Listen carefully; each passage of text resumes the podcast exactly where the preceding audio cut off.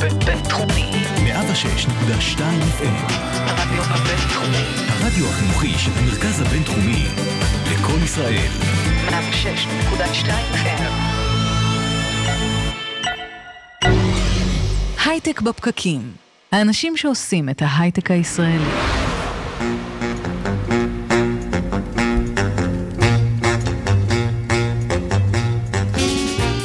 בוקר אור, מאזינים ומאזינות. יום חמישי, ה-12 ביולי 2018. בהרצליה עכשיו 27 מעלות. הייטק בפקקים.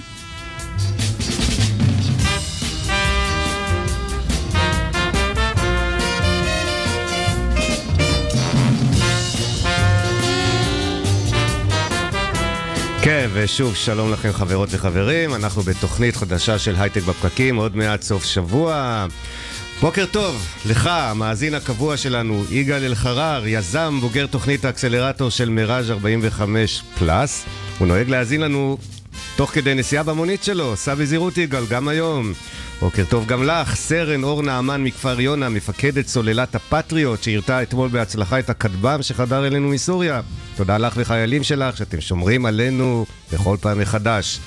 מי שלא שם לב, אנחנו בתוכנית מיוחדת כאן של הייטק בפקקים, שמארחת הבוקר את עוד פודקאסט לסטארט-אפים ואת היוצרים שלו, טומי ברב וגיא קצוביץ'. בוקר טוב. תודה רבה. אז תודה רבה יזהר, תודה רבה לצוות. אנחנו ממש שמחים להיות כאן איתכם מעל גלי הרדיו הבינתחומי ובמקביל בפייסבוק live. שימו לב, אנחנו גם בדף הפייסבוק של כלכליסט ובמקביל בדף הפייסבוק של אצטדיון הסטארט-אפ. אז חפשו אותנו גם באפליקציות הפודקאסטים המובילות, במילת החיפוש, בפקקים. אז אנחנו פה עם עוד תוכנית חדשה של הייטק בפקקים, שתלווה אתכם לעבודה, בזמן שאתם ככה משתרכים לכם לאיתכם בכביש, בדרככם ליום העבודה האחרון של השבוע.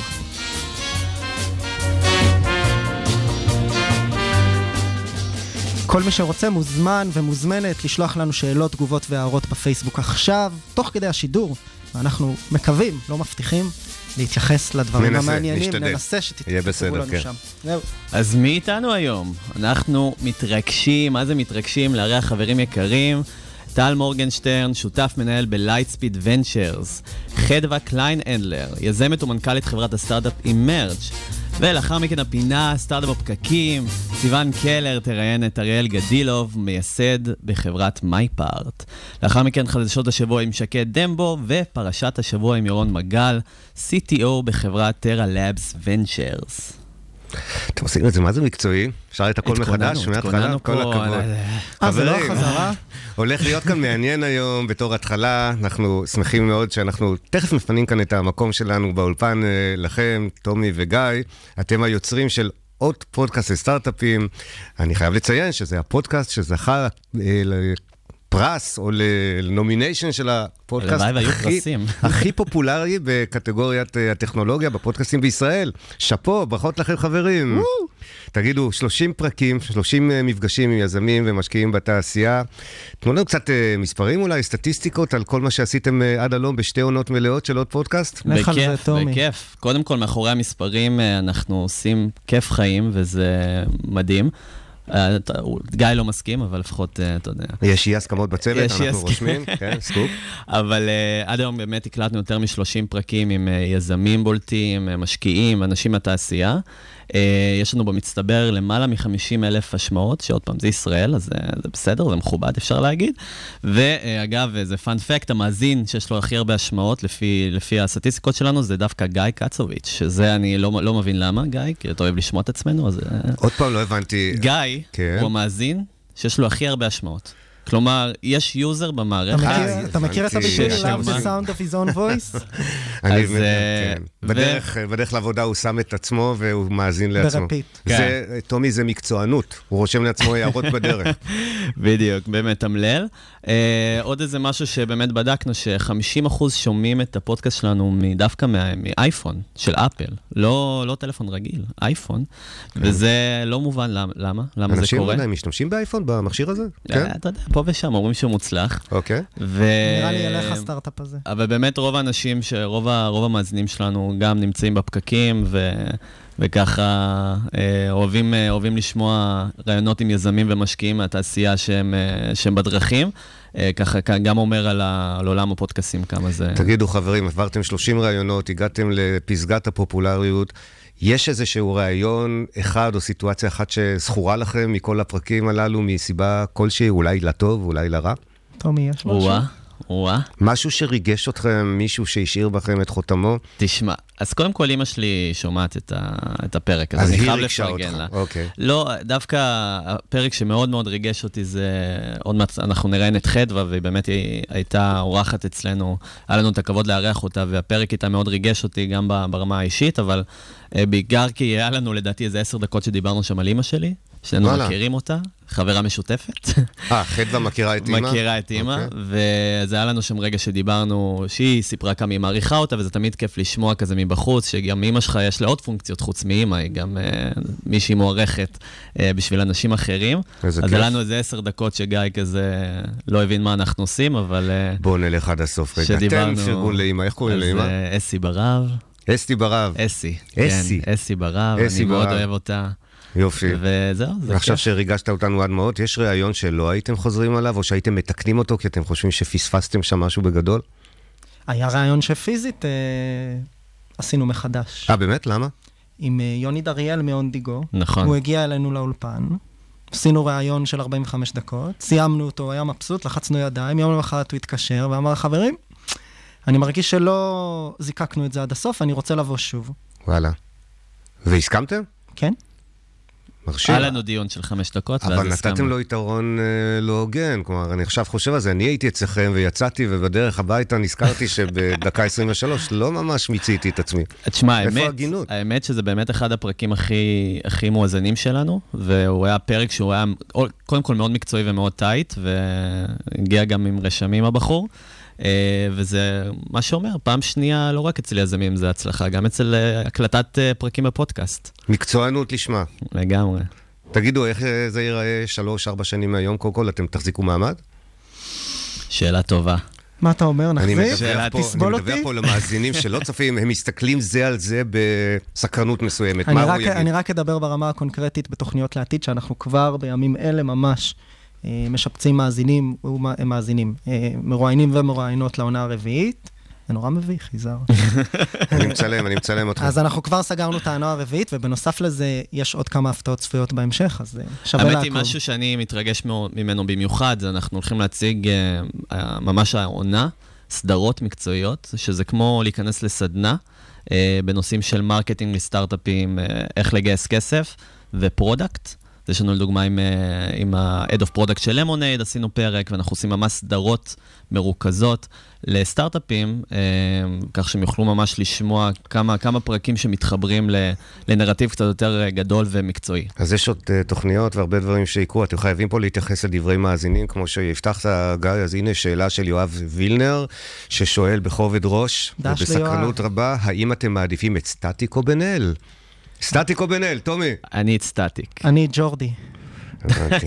ג'ורדי זה. הוא שהתחתן, הוא נכון? המפיק. המפיק לדעתי, הוא, לא? כן, הוא, הוא הגדול מכולם, הוא מדהים. תגידו, חבר'ה, אה, איך בחרתם את אה, המרואיינים שיגיעו לכאן היום? אתם תכף אה, עושים takeover על האולפן ומראיינים בעצמכם, אז למה דווקא את חדווה? למה דווקא את טל? אז בסך הכל רצינו להביא לפה איזושהי טעימה מהמרואיינים והמרואיינות שראיינו לאורך שלוש עונות, מדובר ב-30 פרקים, אז ככה ניסינו גם להביא את הצד של המשקיע וגם את הצד של היזם, מזוויות שונות. חבר'ה שאהבנו והיה לנו כימיה איתם, שמחים שהם פה. לחלוטין, רק כדי להעביר למאזינים שבמקרה לא יודעים, זה לא שאתם מתפרנסים מזה, אתם עושים את זה בשביל השלוש נקודות. למה אתם עושים את זה בעצם? שאלה מצוינת. אמ, קודם כל, בשביל ה fun, אנחנו באמת נהנים לעבוד אחד עם השני רוב הזמן, אה, וגם נהנים אה, לפגוש יזמים ומשקיעים מעניינים, שהרבה פעמים כשאנחנו מדברים בינינו לבין עצמנו, אז אומרים, כנראה לא היינו פוגשים אותם אילולי אילולי. הפודקאסט. חד משמעית. אה, אני חושב שבסוף גם טומי ואני, וזה כאילו ככה ה meta של הדברים, כמו שאומרים, אנחנו שנינו פעילים בתעשיית הסטארט-אפים, היה לנו אקסלרטורים, לי עדיין יש, טומי עכשיו משתלב בתפקידו הבא. אה, ובעצם חשוב לנו אה, גם לשמור על מגע עם יזמים צעירים בתחילת הדרך, וזה מבחינתנו אמצעי. אני גם הסיב- תמיד אומר, רק להוסיף על זה, שהדרך הכי טובה ללמוד מפודקאסטים זה לראיין מישהו לפודקאסט. ו- שיעור פרטי בעצם. ממש, ממש, וזה... אז כל הסיבות מדהים. הטובות, חבר'ה, כבוד גדול שבאתם אלינו לאולפן, אנחנו לא נפרדים, אנחנו רק מתחילים, מה שיקרה עכשיו, אתם אה, לוקחים אה, פיקוד, וכמו שמקובל אצלנו, כשלוקחים פיקוד על הרעיון הבא, אתם יודעים איך עוברים מראיון אחד לראיון שני? שמים? שיר. יפה מאוד. ואורי שם לנו את השיר הבא, תכף נדבר עליו, כן.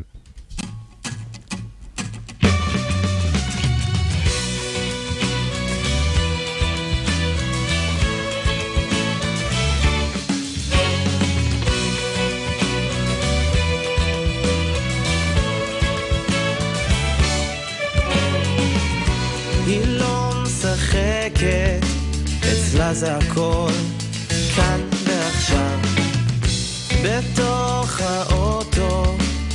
מרגישה כמו במיטה שלה. כפתור אחרי כפתור, נפתח אצלה במכנס. היא מצפה שאקרא את זה בבת אחת. היא מאחרת, אצלה זאת רק תכונה זמנית. היא מתבגרת. טומי, לשיר הזה קוראים אה, איזבלה, נכון? איזבלה, נכון. מילים, אני, לחן? גם אני. מילים ולחן, טומי ברב, איזבלה. אני לפעמים מדמיין אותה עם בגדים. איזבלה, אני קורא לה, למרות שקוראים לך בכלל, שאני לא נדמה לה. אני קורא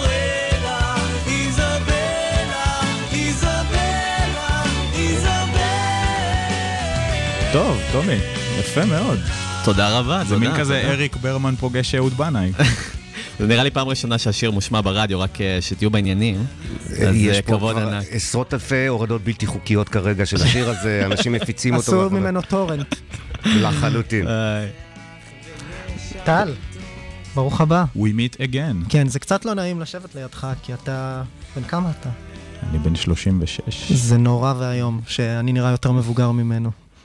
ואני יצר צעיר. מה שלומך? אני בסדר, מזל טוב תודה. על מה? על הגיוס של הקרן. של הקרן, תודה. תודה. אז, אה, תודה. אז קודם כל תציג, נמצא אצלה, מי נמצא איתנו טל? מורגנשטרן, שות- אה, שותף מנהל כן, בלייספיד חבר'ה, אתם ונצ'רס. צריכים להתרגל לזה. נמצא איתנו בטון רשמי כזה, אוקיי, אמרתם את זה, הלאה. הנה, בבקשה, אמרנו. כן. אז טל, בוא ספר קצת על עצמך. אחלה. על הקרן בעיקר. על הקרן בעיקר. אז בן 36, לייטספיד, קרן עם משרדים פה, במקור קרן אמריקאית, יש לנו קרנות אחיות בהודו ובסין, משקיעים בכמעט כל התחומים האפשריים, כמעט בכל השלבים האפשריים. אנחנו פה בישראל שלושה שותפים, אני, יוני ודודו, מסונפים אמריקה, אה, ששם יש לנו עוד 15 שותפים. ופה בארץ רוב הפעילות שלנו זה השקעות בשלבים אה, מאוד מוקדמים. גייסתם 1.8 מיליארד דולר, מה זה אומר על זה הפעילות כנס- בישראל? או, זה אומר שיש לנו הרבה כסף אה, להשקיע. זה נשמע literally צרות של עשירים, אה, אבל זה אכן צרה. זאת אומרת, אנחנו ממש ממש מחפשים אה, סטארט-אפים טובים, אז אם אתם סטארט-אפים טובים, רק טובים. אז אה, טומי, אתה ואני אה. בחוץ. לגמרי. ומה, אם כבר סטארט-אפים טובים, מה זה אומר? מה אתם מחפשים ובמה אתם משקיעים? אמ, אז, אז כאמור, מבחינת תחומים מאוד מגוון, אני השקעה, ומבחינת צ'קים, אני חושב שהשנה התחלנו בצ'קים של אה, מיליון דולר ואפילו ומטה. האמת, חברה שאתה הכרת לי. חברה שאתה הכרת לי, הייתה השקעה, אני- הפכה אתה להשקעת... מכיר גם אה, לא חברות? ואני חשבתי שאנחנו אתה מכיר. גם לא חברות? אמא שלי הייתה- שמחה אה? לשמוע שאני. מכיר חברות, אבל אה, לא. היא לא שומעת את התוכנית אז לאדם זו, דוגמה נגיד להשקעת סיד שקרתה השנה, ועד השקעות uh, growth בשלבים הרבה יותר מאוחרים, אבל בכל התחומים באמת, כל דבר שקשור לטכנולוגיה, ובעיקר צוותים חזקים, בואו אלינו. אז מבחינתנו זה משהו שעולה קצת בתוכנית, ואנחנו שמחים שאתה פה, והיה לנו חשוב להביא גם קצת של מה משקיע. זה פה, המרואיין הראשון של של ה- עוד של פודקאסט? נכון, פודקאסט. אתם יודעים ש... בכל העונות. אתם יודעים זה- שעד עד עכשיו, ב, לא יודע, בשנה האחרונה, בערך כל uh, פגישה חמישית שלי מתחילה ב... אה, שמעתי אותך ב- בפודקאסט. גדול. עכשיו, אבל אתה יודע שזה גדול. שלנו ולא של אה, אחרים, שאין להזכיר את שמם? אני, לא, הם מתכוונים, לשנ... הם מתכוונים לשלכם. ברור. הם מתכוונים לשלכם. זה מאוד, מו- זה מאוד מואזן. הפודקאסט, לא פודקאסט. הוא עוד פודקאסט. בדיוק. עוד פודקאסט. אז- רגע, אז אני חייב לשאול אותך שאלה לגבי דווקא הרעיון איתנו, כי אתה הזכרת משהו שאחרי שראיינו אותך חזר הרבה אצל אה, משקיעים, וזה העובדה שיש פערי תרבות. ופערים איך באמת עובדים, איך יזמים בארץ Mm. עובדים עם משקיעים פה אה, בארץ, ואותם פערים. ואמרת משהו שאנחנו מאוד התחברנו אליו, ואחרי זה שמענו אותו עוד ועוד ועוד ועוד. אם תוכל קצת לספר לנו על, באמת על הפערים של הפניות, ויותר נכון, איך קרן עובדת ומה המדדים שאתם נמדדים, או מה, מה אתה נמדד בסוף היום, מהמם. ואיך זה קשור באמת לא, לאותה אינטראקציה עם, אז, עם אז יזם, נתחיל יזמת. ה- החלק היותר פשוט של השאלה הזאת זה איך אנחנו נמדדים, זה די פשוט. אה, כמה כסף אנחנו משקיעים וכמה כסף אנחנו מחזירים אחורה למי שהשקיע בנו. אה, ואנחנו קרן אה, די גדולה כאמור, וזה די קשה אה, לייצר תשואה על אה, כזאת כמות של כסף. זה אומר שאתה צריך אה, להשקיע בחברות מאוד מאוד גדולות, אה, או חברות שהופכות לחברות מאוד מאוד גדולות. ולכן עבורנו כקרן גדולה זה אולי החסם העיקרי. בטח ובטח שמסתכלים על השוק הישראלי, ובדיוק דיברנו על זה שם בחוץ עם הדר וסיון. אה, התמונה פה היא תמונה אה, של המון המון אקזיטים שעבורנו הם נחשבים אקזיטים יחסית אה, בינוניים ומטה, כלומר נמוכים אפילו. אה, וכשאתה משקיע באמת מקרן כזו גדולה, אתה באמת מגביל את עצמך לציד אה, חדי קרן, unicorn hunting, וזה אולי ה cut off הכי מרכזי. יש המון המון פגישות שלנו במהלך החודש שמסתיימות באחלה יזמים, אחלה טכנולוגיה, אחלה סיפור. ביום הכי טוב בשנה, עם רוח גבית בירידה, אנחנו לא יכולים לדמיין את זה יותר מ-200 מיליון דולר market value או, או 150 מיליון דולר market value, ועבורנו זה לא fit טוב. עבור קרנות יות- אז קטנות תגיד, יותר. אתם מקבלים הנחה מהחבר'ה שלכם בקליפורניה? אומרים, אוקיי, ישראל, לא צריך unicorn, תביא לנו 30% unicorn? לא, ממש לא, אפס הנחה, ובמבחן התוצאה, אה, גם אה, אישית אה, מחוויות קודמות, אה, אין הנחה. זאת אומרת, בסוף, אם אנחנו לא נדע לייצר אה, אקזיטים בסקלות של סיליקון וואלי, אז לא יהיו פה סיליקון וואלי funds. אז מהי השאלה הראשונה שאתה שואל את עצמך, שאתה נפגש עם יזם, לגבי אותו עניין של צד unicorn? אז אני חושב שברמה, הפר... אז מין משחק שאני, אתה יודע, יש אנשים שעולים לנאום, אז הם מדמיינים את כולם ערומים. אה, אז, אז אני מנסה לשחק איזשהו mental, איזשהו mind game עם עצמי, אני מסתכל על הבן אדם, מסתכל עליך עכשיו, טומי, ואני מנסה לדמיין אותך אה, מצלצל בנסדק בפתיחת יום מסחר, ומאחוריך עומדים כזה... קשה, זה מאתגר. זה מאתגר, מאתגר, או נראה. מקבל גרמי, כמו, ש... כמו שראינו כרגע, אבל ומאחוריך 30 אנשים בחליפות, ויש שם איזשהו לוגו, ויש שם כזה, אתה יודע, ticker prices וכן הלאה. ואם אם, אם ה mental image הזה מתיישב לי, אתה יודע, ואני אומר, וואלה, ב... I see it, זאת אומרת, הבן אדם הזה, יש לו את ה skills, יש לו את ה ambitions, יש לו את ה ambition, יש לו את ה... את, ה, את המוטיבציה לעשות את כל ה grind המשוגע הזה שנקרא סטארט-אפ, ו, ובאמת לבנות חברה גדולה ולא למכור, הוא מספיק משוגע כדי לא למכור בדרך, שזה אולי הדבר שהכי קשה לעשות לו qualification ב-day one. אה, אז ככה זה נראה. זאת אומרת, זה... יש לך דוגמה ליזם, יזמת, שבאמת אה, ישבת איתם ודמיינת את אותו רגע?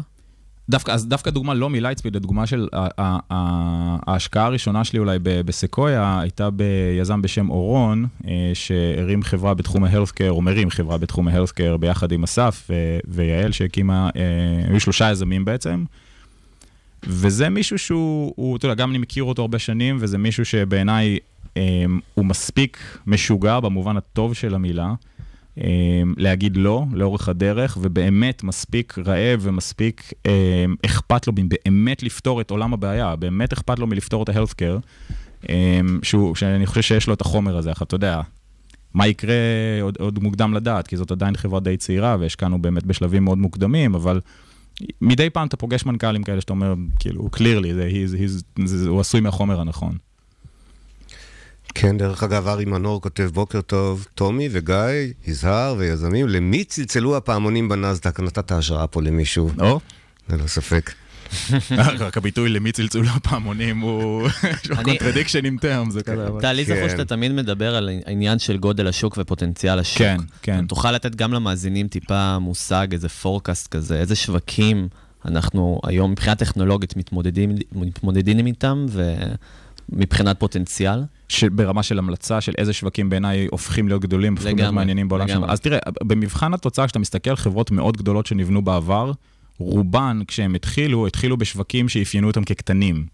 ואיכשהו ל cut out, ולאורך המסע של החברה, בעצם השוק הזה גדל ביחד איתה. זה בעצם אולי הדוגמאות הכי טובות, בסדר? ו, ושאני, אני, אז בעצם שאני, שאתם, כשאתם יזמים, כשאתם מסתכלים עכשיו על שוק, זה בהחלט יכול להיות שוק שהיום מסתכלים עליו ואומרים, טוב, אבל זה, זה משהו נורא בוטיקי, זה משהו נורא קטן, זה משהו שאולי אפילו קצת צעצוע כזה, אה, אבל over time נהיה massive כזה בגדילה קדימה. אה, אז בואו ניקח, לא יודע, ננסה עכשיו על דוגמאות, אז, אז דיברנו בחוץ בחצי בדיחה על quantum computing, נכון? זה כזה מין, איזה phrase שקורה.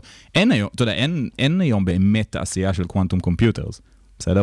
אבל אם תבוא חברה ותיתן breakthrough ותדחוס מספיק קיוביטים על, על, על מעבד שעובד, זה ייצור את השוק בעצם, כמו במידה דומה לאיך שאינטל יצרה את שוק השבבים ב semiconductor של הדור הקודם, אז או דברים כמו קריספר, טכנולוגיית... של הנדסה גנטית, בלוקצ'יין, בין איזה תחום שאני גם משקיע בו וגם תחום שאני חושב שהוא כנראה המהפכה הכי גדולה, כל עולם הקריפטו והבלוקצ'יין כנראה המהפכה הכי גדולה שקורית היום מסביבנו, ועדיין הוא לא מאוד גדול, כשמסתכלים על תעשיית הכסף העולמית, זה אפילו לא, אתה יודע, זה לא טיפה בדלי עדיין, בהשוואה, אבל זה בעיניי הולך להיות משהו מאוד מאוד גדול. אבל אז... בלוקצ'יין זה שוק? או שזה בעצם אמצעי זה... טכנולוגי? בלוקצ'יין זה ז'רגון, בסדר? בלוקצ'יין זה ז'רגון, וזה בסופו של דבר... אה, אה, אתה יודע, זה כמו שתגיד אה, HTTP, בסדר? זאת אומרת, זה ברמת פרוטוקול, אני חושב ש-applied, to apply blockchain technology לעולמות בעיה, לפתור איתם בעיות, אפשר לפתור עם זה המון המון בעיות מעניינות בהמון אזורים, אה, ואנחנו משקיעים שם. אז ככה, שאלה אחרונה לסיום, איך היה לך הפרק איתנו? עכשיו? בכלל, משוב חם תוך כדי. כן. עכשיו התשובה פה קצת רגישה, תחשוב עליה, תדבר עליה, עבר אולי. בכנות, בכנות, אמרתם לי הייטק בפקקים, חשבתי שאתם מדברים על הפקקים של שש בערב. אני לא יודע איך הצלחת לגרור אותי לבינתחומי בשעות האלה, אבל אני אזכור לך את זה. אה, אבל אה, זה מאוזן יחסית, היה בסדר גמור, היה כיף. היה שווה רק בשביל לבוא לשמוע איזבלה. גם אני... אני מסכים. גם לאחרונה, אני רק רציתי להגיד לו חטא חטא, קיבלת חגורה שחורה בג'ודו, נכון? בג'ו-ג'יצו ברזילאי. ג'ו-ג'יצו ברזילאי. נכון, נכון. אנחנו, אם עד עכשיו לא הרגשנו רע עם עצמנו, אז עכשיו זה קורה. לא, עכשיו אנחנו זהירים מאוד בדברנו. בדיוק. מאוד נחמד שאתה איתנו הבוקר, מאוד מאוד נחמד. ממש תודה רבה שבאת. אני פציפיסט. חבר'ה, תודה רבה. תודה על האירוח. ביי ביי. תודה רבה.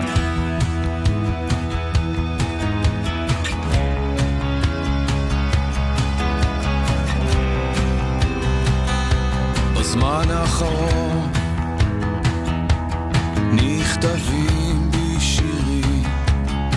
עופות מוזרים,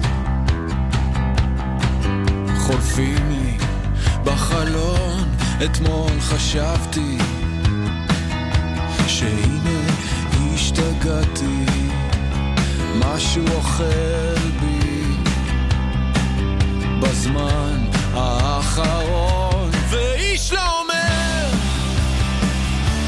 לא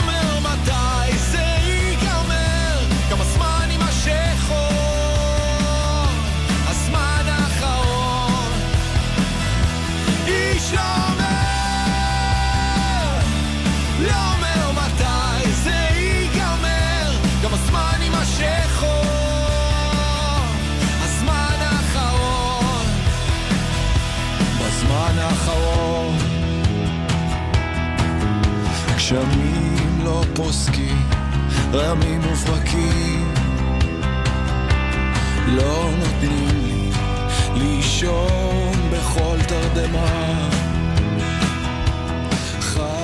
חדווה, ברוכה הבאה, נמצאת איתנו כאן חדווה קליינהנדלר, מייסדת שותפה ומנכ"לית אימרג', ברוכה הבאה. היי, בוקר טוב. בוקר טוב. לפני הכל אני חייב לשאול אותך שאלה. התהילה שקיבלת בעקבות פרסום הפרק של הפודקאסט איתנו, השפיע עלייך? את מרגישה בן אדם אחר? אני לא יכולה לצאת בבוקר מהבית, אה, אני לא יודעת איך להתמודד עם זה, שמתי את הילד בטיפול. אנחנו מתנצלים לך טובה. גם, אה, זו תשובה טובה. זו התשובה- הסטנדרטית, זהו, הם רגילים לזה. אבל הבאנו את חדווה לפודקאסט שלנו באמת בעקבות הסטארט-אפ שלך. אם את רוצה קצת לספר על הרקע שלך שהוביל אותך להקים את אימרג'. אה, בטח, אז הרקע שלי בעצם היה אמור להוביל אותי לא...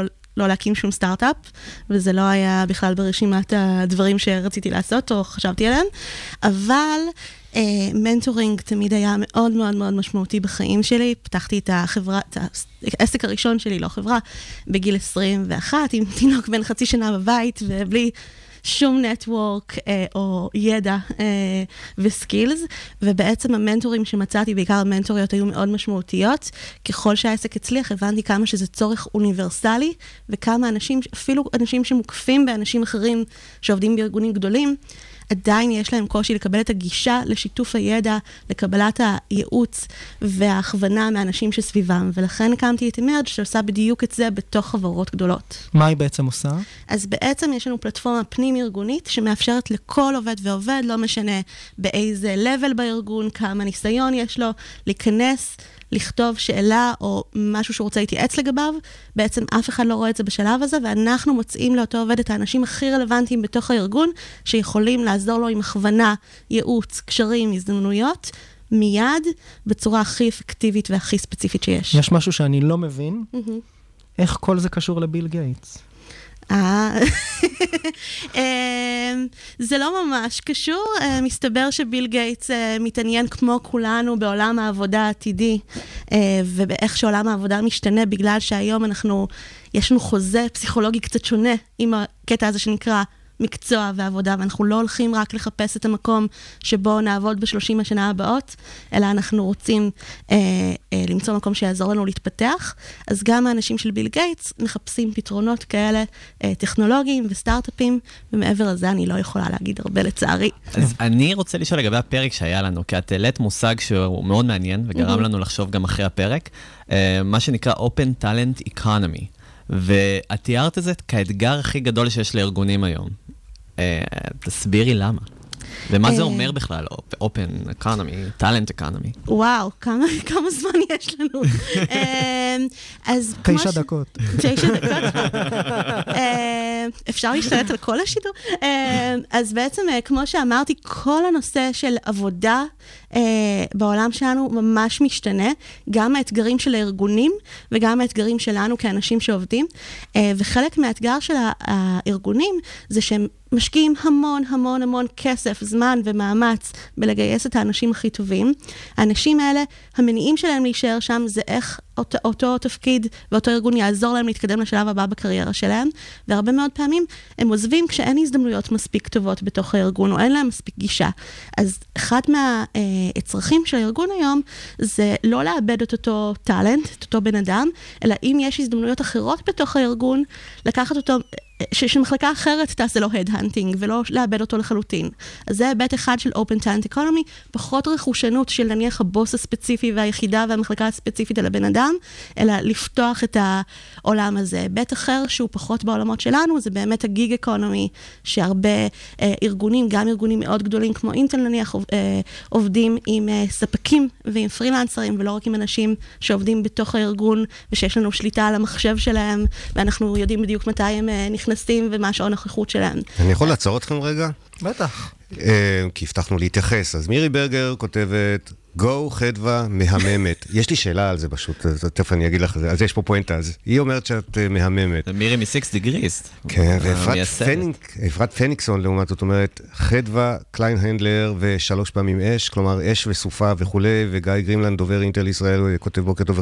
מה הופך אותך ל- למישהי שאנשים כל כך רוצים להתחבר, להעריך וכולי? זה, זה, מה, איך את מסבירה את זה? אני שואל בשיא הרצינות. קודם כל, זה הכל התחיל אחרי הפודקאסט של גיא וטומי. חזרנו אה, לשם. אז הם לא שילמו לי לשאול את השאלה, בחיי, אני מגיב פה ל... ולא שילמנו לה גם על התשובה. בדיוק. כן. אה, אני חושבת שיש משהו שכולנו מאוד כמהים אליו, והוא לא מספיק קיים בעולם שלנו ספציפית, בתעשייה שלנו, וזה כנות.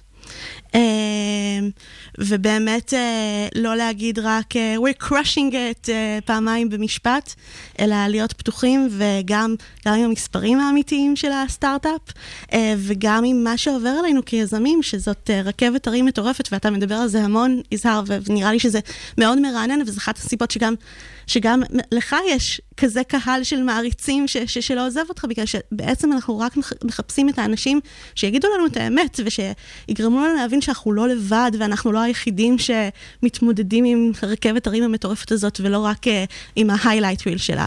זו נקודה מעולה, אנחנו קוראים לזה בפודקאסט, יש לנו איזה מושג שנקרא אפקט ה... הקאבר בפורבס, או הכותרת בעיתון. כלומר, אנחנו תמיד, האינטראקציות עם יזמים, בואו נגיד שיש את ה fame, או. ללמוד על סטארט-אפ מסוים, זה תמיד שקורה משהו מוצלח, גיוס כסף, אקזיט. אז אותו אפקט בעצם מייצר איזה סוג של דיס, דיסוננס במה קורה במציאות, וכשאנחנו נפגשים עם יזמים, מנכ"ליות, מנכ"לים, אה, ממש באולפן ושואלים אותם את השאלות הקשות, פתאום אנחנו רואים, וואו, זה לא עוד יום בפארק. זה משהו שהוא, אה, ככל שהזמן עובר, גם שאתה מגייס כסף, וגם שאפילו אחרי האקזיט, יש תמיד בעיות. ואיך את, האמת, אני אשאל אותך, כלומר, מה, איך את מתמודדת עם זה ביום-יום, באמת, מהבחינה יותר מנטלית? אני החלטתי ש... אה, אתה יודע, הרבה זמן אני כזה אמרתי, טוב, אני לא אתלהב מהדברים הקטנים, כי אז אני נורא, אני אהיה שבורה כשדברים לא קורים, וכמו שאתם יודעים, בסטארט-אפ כל יום יש איזה עשרה כישלונות, ואם זה יום מאוד טוב, אז יש איזה חצי ניצחון. אה, ואז החלטתי שלא, שאם כבר יהיו כישלונות, אז לפחות אני אתלהב גם מהניצחונות. אה, אני חושבת שכנות ואותנטיות זה משהו שאני תמיד תוהה ביני לביני אם זאת אסטרטגיה טובה, וזה כנראה לא אסטרטגיה טובה, אבל אם אני לא הייתי אה, דוגלת בזה, אז לא הייתי יכולה לחיות עם עצמי. והעובדה שיש בחיים עוד דברים, זה קצת אסור ליזם להגיד שיש לו בחיים עוד דברים חוץ מסטארט-אפ, אבל יש אה, משפחה, ויש חברים, אה, ויש קהילה, וזה, וזה מאוד מאוד חשוב, כי אז, זה מה שמחזיק אותך. אז כשיש פה יזמים בתחילת הדרך שמאזינים לתוכנית ושומעים אותך, אם את יכולה קצת לשתף uh, מטעויות או לקחים שכבר למדת uh, ממסעך uh, בסטארט-אפ? Uh, טוב, אז אנחנו עובדים עם קורפורט, זה הקהל שלנו, וזה עולם uh, מדהים, ויש שם אנשים... שזה, שזה מדהים, כי אתה מצפה מאנשים בקורפורטס להיות כאילו חליפות בלי נשימה בפנים, וזה ממש לא נכון, אבל זה בהחלט אה, עקומת למידה מטורפת למי שמעולם לא מכר לפני זה ל enterprise, אה, ואני חושבת שקודם כל להיות ערוכים למה זה אומר. לזה שזה לפעמים חודשים, אה, ולהבין שאתה לא יכול לשים את כל יהבך על corporate מסוים או על המשקיע מסוים, אתה חייב תמיד למקבל, ואני יכולה להגיד שבתחילת הדרך שרפתי כנראה כמה חודשים טובים על תהליכים שבסוף לא צלחו, אה, וזה בסופו של דבר אתה לומד מזה ואתה לא עושה את אותה טעות שוב. תגידי, אני עומד פה על אה, דף הפייסבוק שלך. ואני חושב שמה שמחבר הרבה אנשים למה שאת עושה זה שיש פה שילוב של דברים סופר מקצועיים, התלבטות כזו או אחרת, לצד ביקור אצל הרופא שיניים עם הילד ששאף גז צחוק ומה עושים איתו בדרך הביתה. ופה מצאתי משהו יפה. אמ, טוב, זה לא פשוט בכלל, או שאתחפר לי באיזו פינה עד תום לשלושה שבועות, או שאמצא דרך קטנטנה וזניחה להרבות אהבת חינם.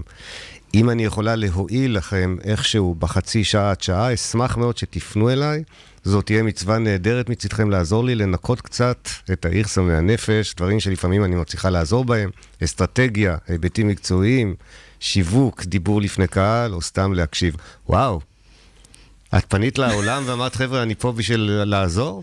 אה, קודם כל, בדרך שלי עשו את זה בשבילי המון המון אנשים. גם אתה, יזהר, אה, גם אתה, גיא, אה, גם אתה, טומי, אה, והמשפחה שלך. היא עושה לי זה עוד פעם, אתה רואה? ואימא אסי, ואלה, וזה, סליחה. אני חייבת לתת shout-out למשפחת ברב. ואני גיליתי שכשאני נותנת קצת בחזרה מעצמי, זה פשוט עושה לי טוב. עכשיו, שלושת השבועות שאנחנו נמצאים בהם זה ימי בין המצרים, זה בין י"ז בתמוז לתשעה באב, ימים גם של חורבן שני בתי המקדש וגם הרבה... היסטורית הרבה אירועים מאוד קשים לעם ישראל, אה, מלחמת העולם השנייה, אה, גטו ורשה וכולי, אה, ואני מוצאת שבימים אלה יש לי משהו, ענן עכור מסביב לנפש. וגם הייתי בג'טלג כשכתבתי את זה, אז בכלל.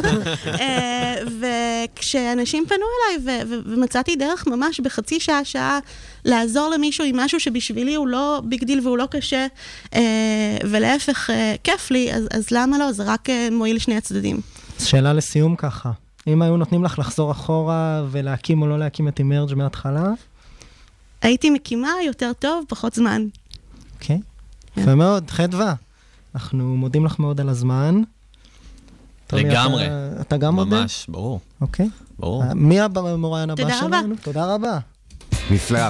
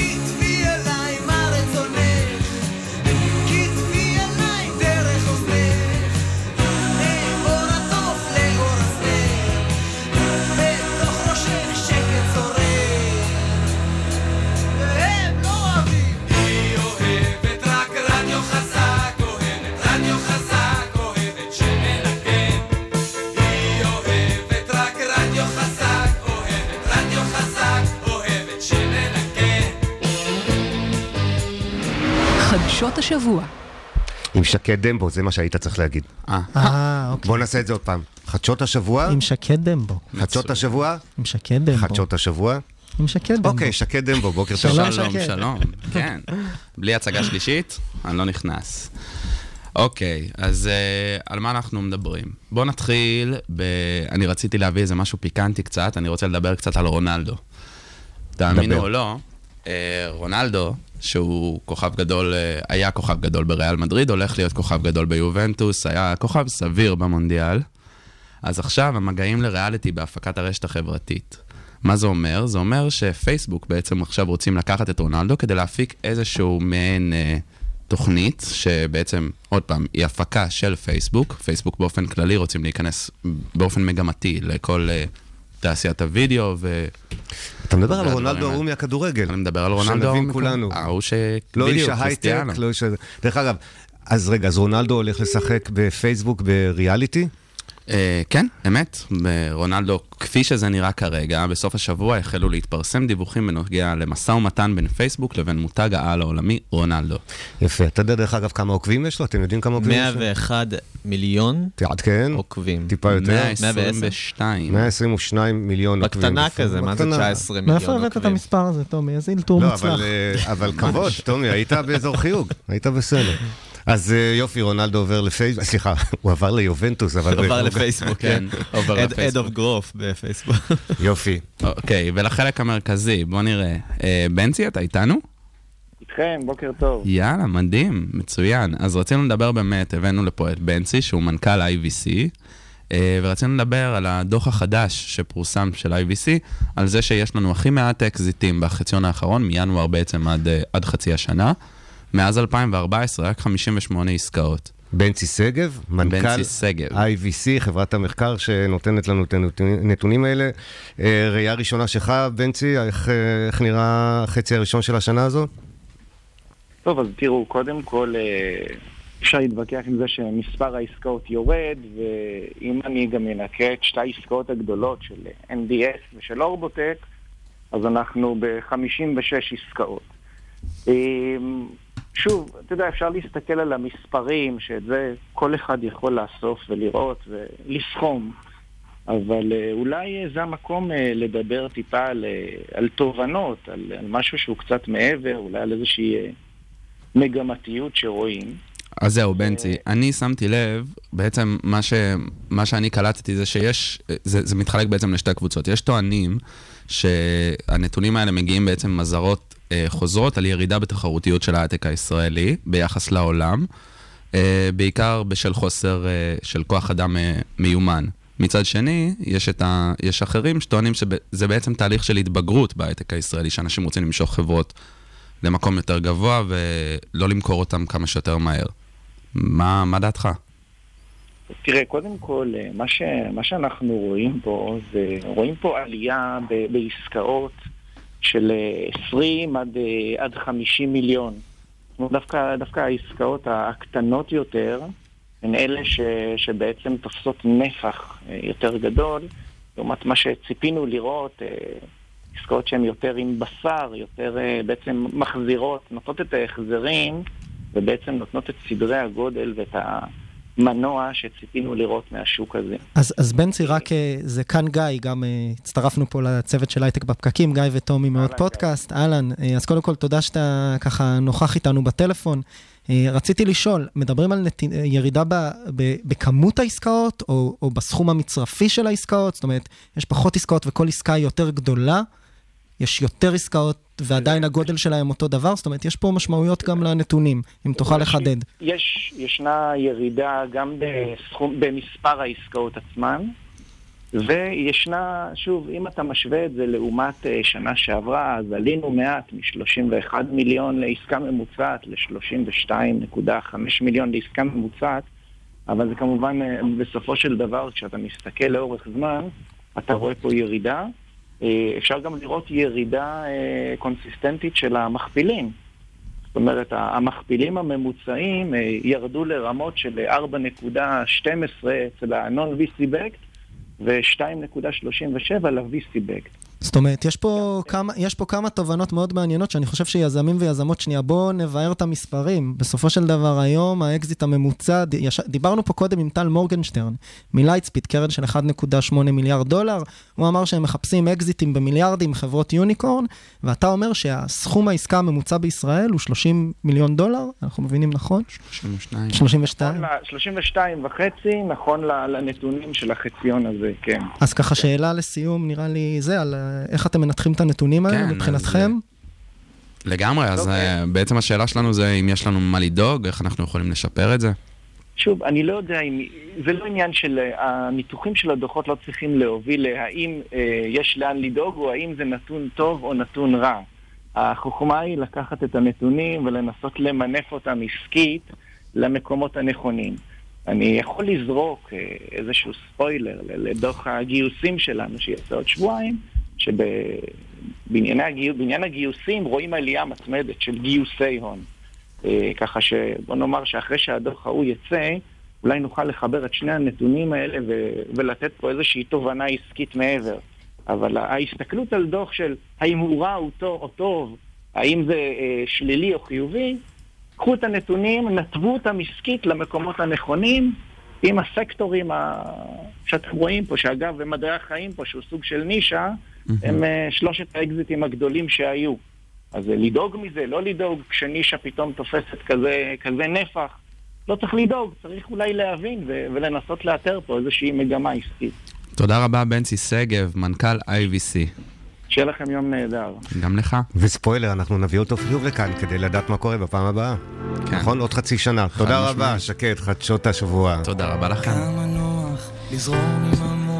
בהתניות אוטומטיות שלא דורשות לטרוח, רק לתייג ולנבוח, להסיט ולסבוח, לאלילי הרייטינג אייטמים בכל הכוח. הכל כבר מסודר לנו בראש, מגירות מגירות, לא, לא ניתן למציאות להפריע לנו לראות שכל שמאלני הוא בוגד, כל ערבי מחבל מתאבד, כל חרדי הוא שודד וכל המתנחלים רצחו את רבין. כל תל אביב טבעונית, כל נתיבות מסורתית עממית, כל הדתיים פרימיטיביים עם ציצית, ועל הדרך מחקו את דרווין. אל תכלאוני בשום כלום, אל תסכמו אותי בוויקיפדיה. אני הכל, אני לא כלום,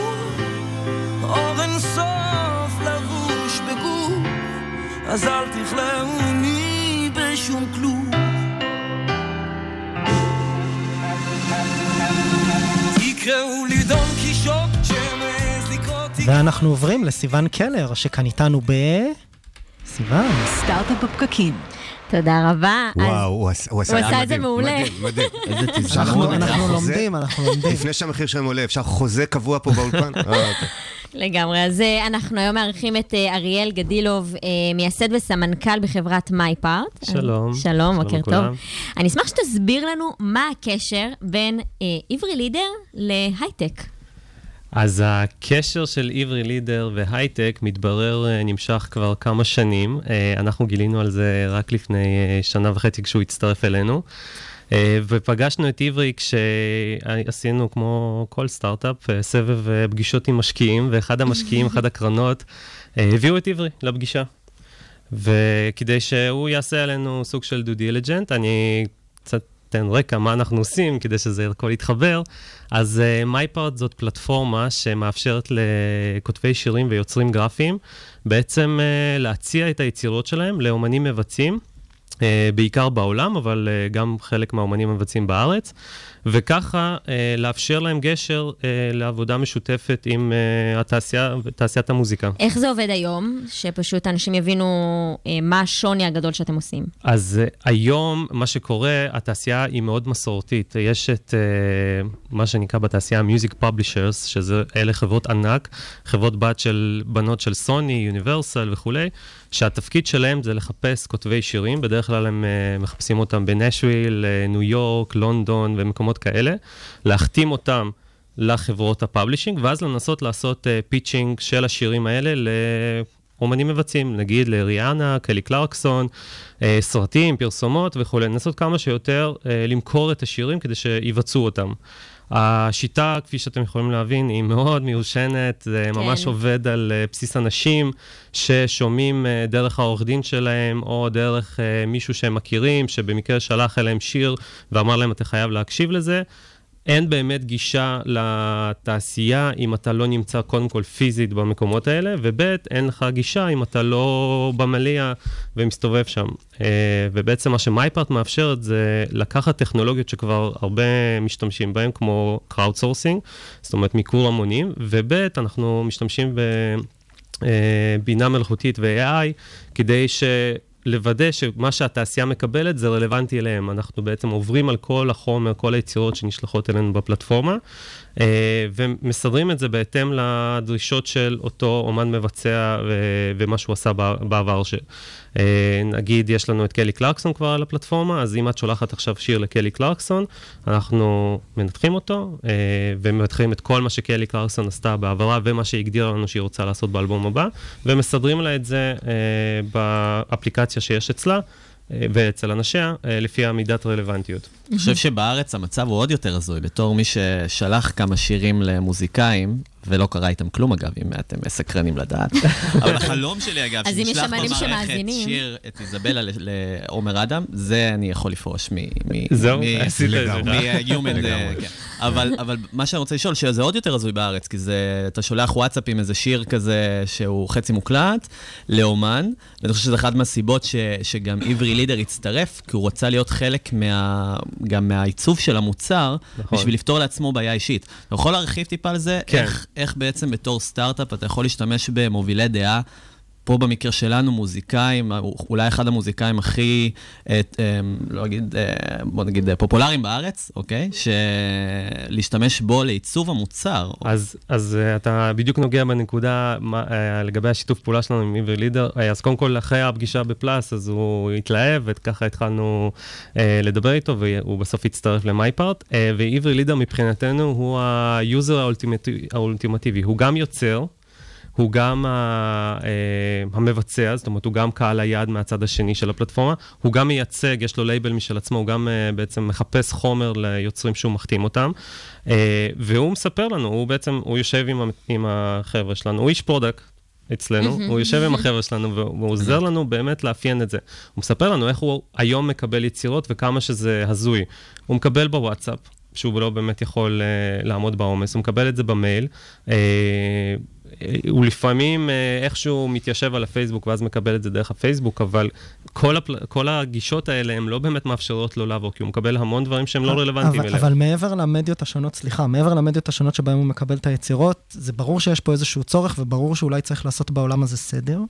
יש בזה כסף? זאת אומרת, זה כן. שוק שהוא מעניין? אז uh, התחלתי לספר על ה-Music Publishers, אז ה-Music Publishers הם בעצם uh, תעשייה שמגלגלת 16 מיליארד דולר בשנה, והכסף שהם עושים זה מהתמלוגים. Uh, Music Publishers, ואנחנו גם, uh, אנחנו בעצם אליין עם היוצרים שלנו. כל שיר שבסופו של דבר עובר דרך הפלטפורמה ועושים איתו משהו, אנחנו מייצגים את היוצר, אוספים את התמלוגים, לוקחים את החלק שלנו כפאבלישר למייפארט, ונותנים... רוב התמלוגים ליוצר, וככה התעשייה גם עובדת בפועל. Uh, כל פעם ששיר מנוגן ברדיו, בספוטיפיי, אפל, יוטיוב וכולי, הוא מייצר תמלוגים ליוצר, וזה מה שאנחנו בעצם uh, אוספים. אין לנו הרבה זמן, אבל uh, אני אשמח שתסביר מה סטטוס החברה היום. לסיום, ככה בקצרה. Uh, אז אנחנו אחרי גיוס, uh, עם uh, דרך קרן דה טיים וכמה משקיעים פרטיים, גייסנו מיליון דולר, ועכשיו אנחנו משיקים שבוע הבא בארץ עם עברי לידר, שהוא הולך בעצם להזמין את הקהל להציע לו חומרים. בארצות הברית אנחנו משיקים עוד חודשיים, כבר יש לנו הסכמות מאטלנטיק רקורדס, דף ג'ם, עם אומנים כמו קלי קלרקסון, אירוסמית. ואתם מגייסים גם מפתחים. ו... וכמובן, אה, אנחנו מגייסים במרץ מפתחים כדי שיוכלו לשבת עם עברי ולעבוד איתו על המוצר, אה, ובאמת להביא את המהפכה לתעשייה. המון בהצלחה. תודה רבה שהגעת. תודה על הזמנה.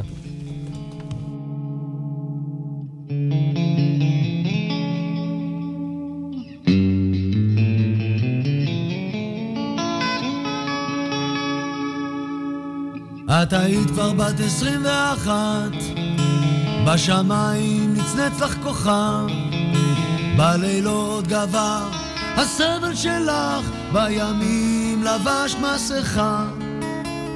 אילו ידענו לחיות, בתוכי אני מודה, לא ידענו איך. אמר אבי, ראיתי בחיים את הזמן חולף. את היית כבר בת 21, ואנחנו עוברים ל...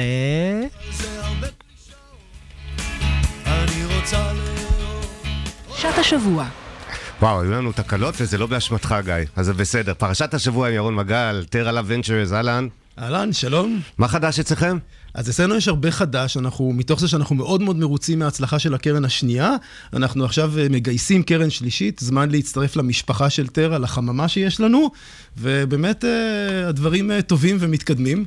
אה, אבל באנו לדבר על פרשת השבוע. ולפני שאתה מדבר על הפרשה, היה פה דיון ארוך הבוקר שנמשך, וקראנו למקובלים ולחכמים ושיודעים דבר.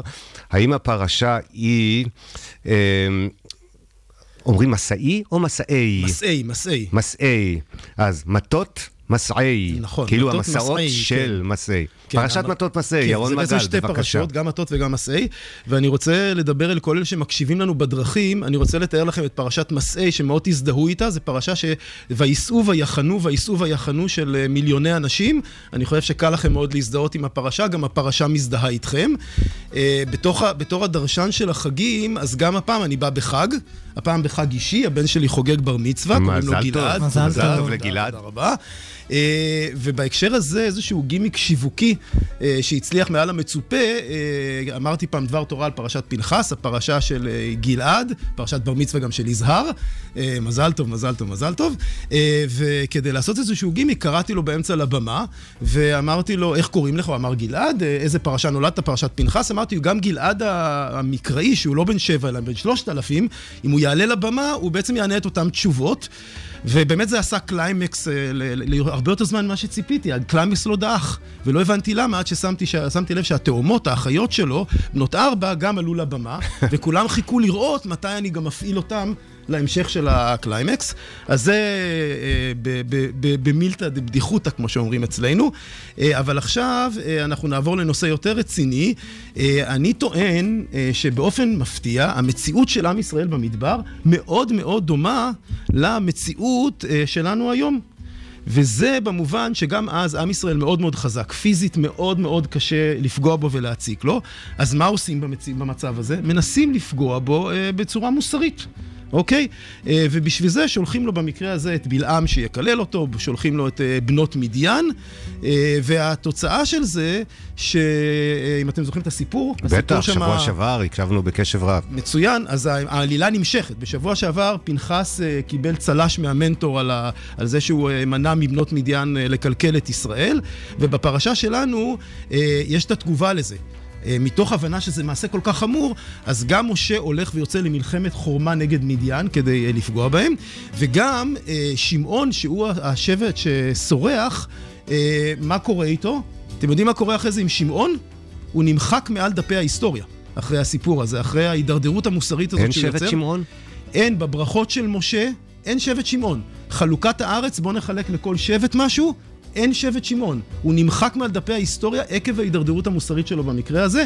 מסר מאוד מאוד חשוב גם לאז וגם להיום. ומשה רבנו בפרשה בהקשר הזה גם נותן לנו סקופ מאוד מאוד מעניין, והוא מגלה לנו שמי שאץ את העצה הזאת זה בלעם. ואיך בלעם מסביר את זה? הוא מסביר את זה בדיוק כמו שאני אמרתי. הוא אמר, חבר'ה, גם אם נביא את כל הצבאות של העולם כדי לנצח את העם הזה, אנחנו לא נוכל להם. אז מה אנחנו נעשה? אני יודע שאלוקיהם של אלו, המנטור שלהם, כמו שנתן אז אמר, אה, הוא שונא שחיתות. אז בואו נשלח להם את בנות מדיין, זה מה שנעשה להם. ואם אתם זוכרים, אה, בפעם הקודמת נתן אה, אמר שהמנטור מאוד חזק, ויזהר, אתה אמרת שהוא מאוד מאוד תובעני. הסיפור של בנות מדיין זה בדיוק זה. הוא מאוד חזק, מגן פיזית, אבל אוי ואבוי אם אנחנו נעשה טעויות מוסריות, כי אז כן היום. אה, ואיפה בלעם באמת אומר את העצה הזאת? אז ההסבר הוא שזה פסוק שכולנו מכירים. מה טובו אוהליך יעקב, גם עליו שמענו, שמה שאומר אומר רש"י, שהאוהלים שלהם לא היו מכוונים זה אל זה.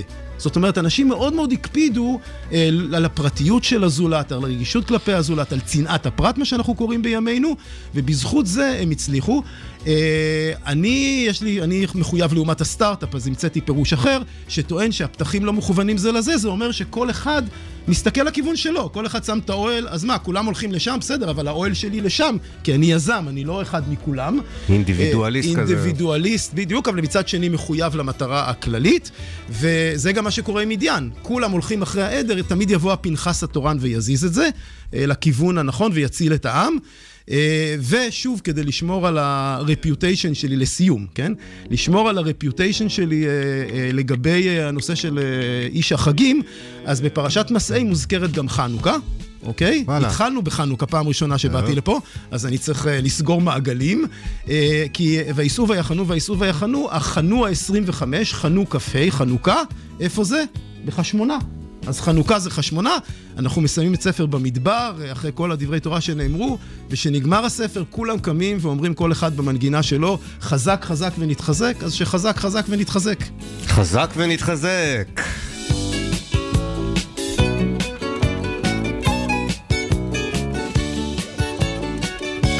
כן, תודה רבה לך ירון מגל, טרה ונצ'רס. ואנחנו מגיעים לפרק אה, התודות, אני אחסוך לכם את זה כי זה המון תודות וקרדיטים, אז אה, תראו, אנחנו אומרים תודה לאורחים שלכם ושלנו הבוקר, טל מורגנשטרן, חדווה קליינהנדלר, אמ, אריאל טולי גדילוב, גדילוב או גדילוב? אריאל טולי גדילוב. גדילוב. טולי זה שם אמצעי. וכמובן ירון מגל, אבל בעיקר תודה רבה לכם, טומי ברב וגיא קצוביץ'. חבר'ה, איך היה לכם? היה מעולה, אולי נעשה הסבה מעוד פודקאסט ל... אתה יודע. היה ממש, אה, ממש כיף. נעשה סוויץ' כזה, אנחנו עוברים לעוד. פודקאסט, לסטארט-אפים, אתם פה. עוד הייטק בפקקים. תענוג שאתם פה, כשתזכו לקטגוריית הפודקאסט המוביל בישראל בכלל, בכל הקטגוריות, תבואו לפה שוב אם עדיין תספרו אותנו. כמובן כשתזכו לפודקאסט הכי פופולרי בעולם, אל תשכחו אותנו, מפרגנים לכם, אוהבים מה שאתם עושים, הרבה הרבה הצלחה, שימו לב כולם. עוד פודקאסט לסטארט-אפים, אל תחמיצו אף פרק, הם כולם נמצאים, מוקלטים, נכון? הכל מוקלט, הכל ב- ברשת. והעונה החדשה. העונה החדשה מגיעה בקרוב. מפיקים את השידור הבוקר סיון קלר ורועי קליק, מפיק הדיגיטל שלנו שקד דמבו, מפיק ראשי של התוכנית הדר חי, עורך מוזיקלי שתפעל פה תקלות בלי סוף הבוקר ולא שמתם לב בכלל, זה אורי טולדנו. תודה לכלכליסט על שיתוף הפעולה, תודה לרדיו הבינתחומי. שנותן לנו כאן בית בכל שבוע מחדש. אנחנו הייטק בפרקים חברים, לא תמיד אנחנו ספיישל, אנחנו נחזור לפה שוב עם אנשים שעושים כמוכם את ההייטק הישראלי בשבוע הבא. להתראות ושבת שלום.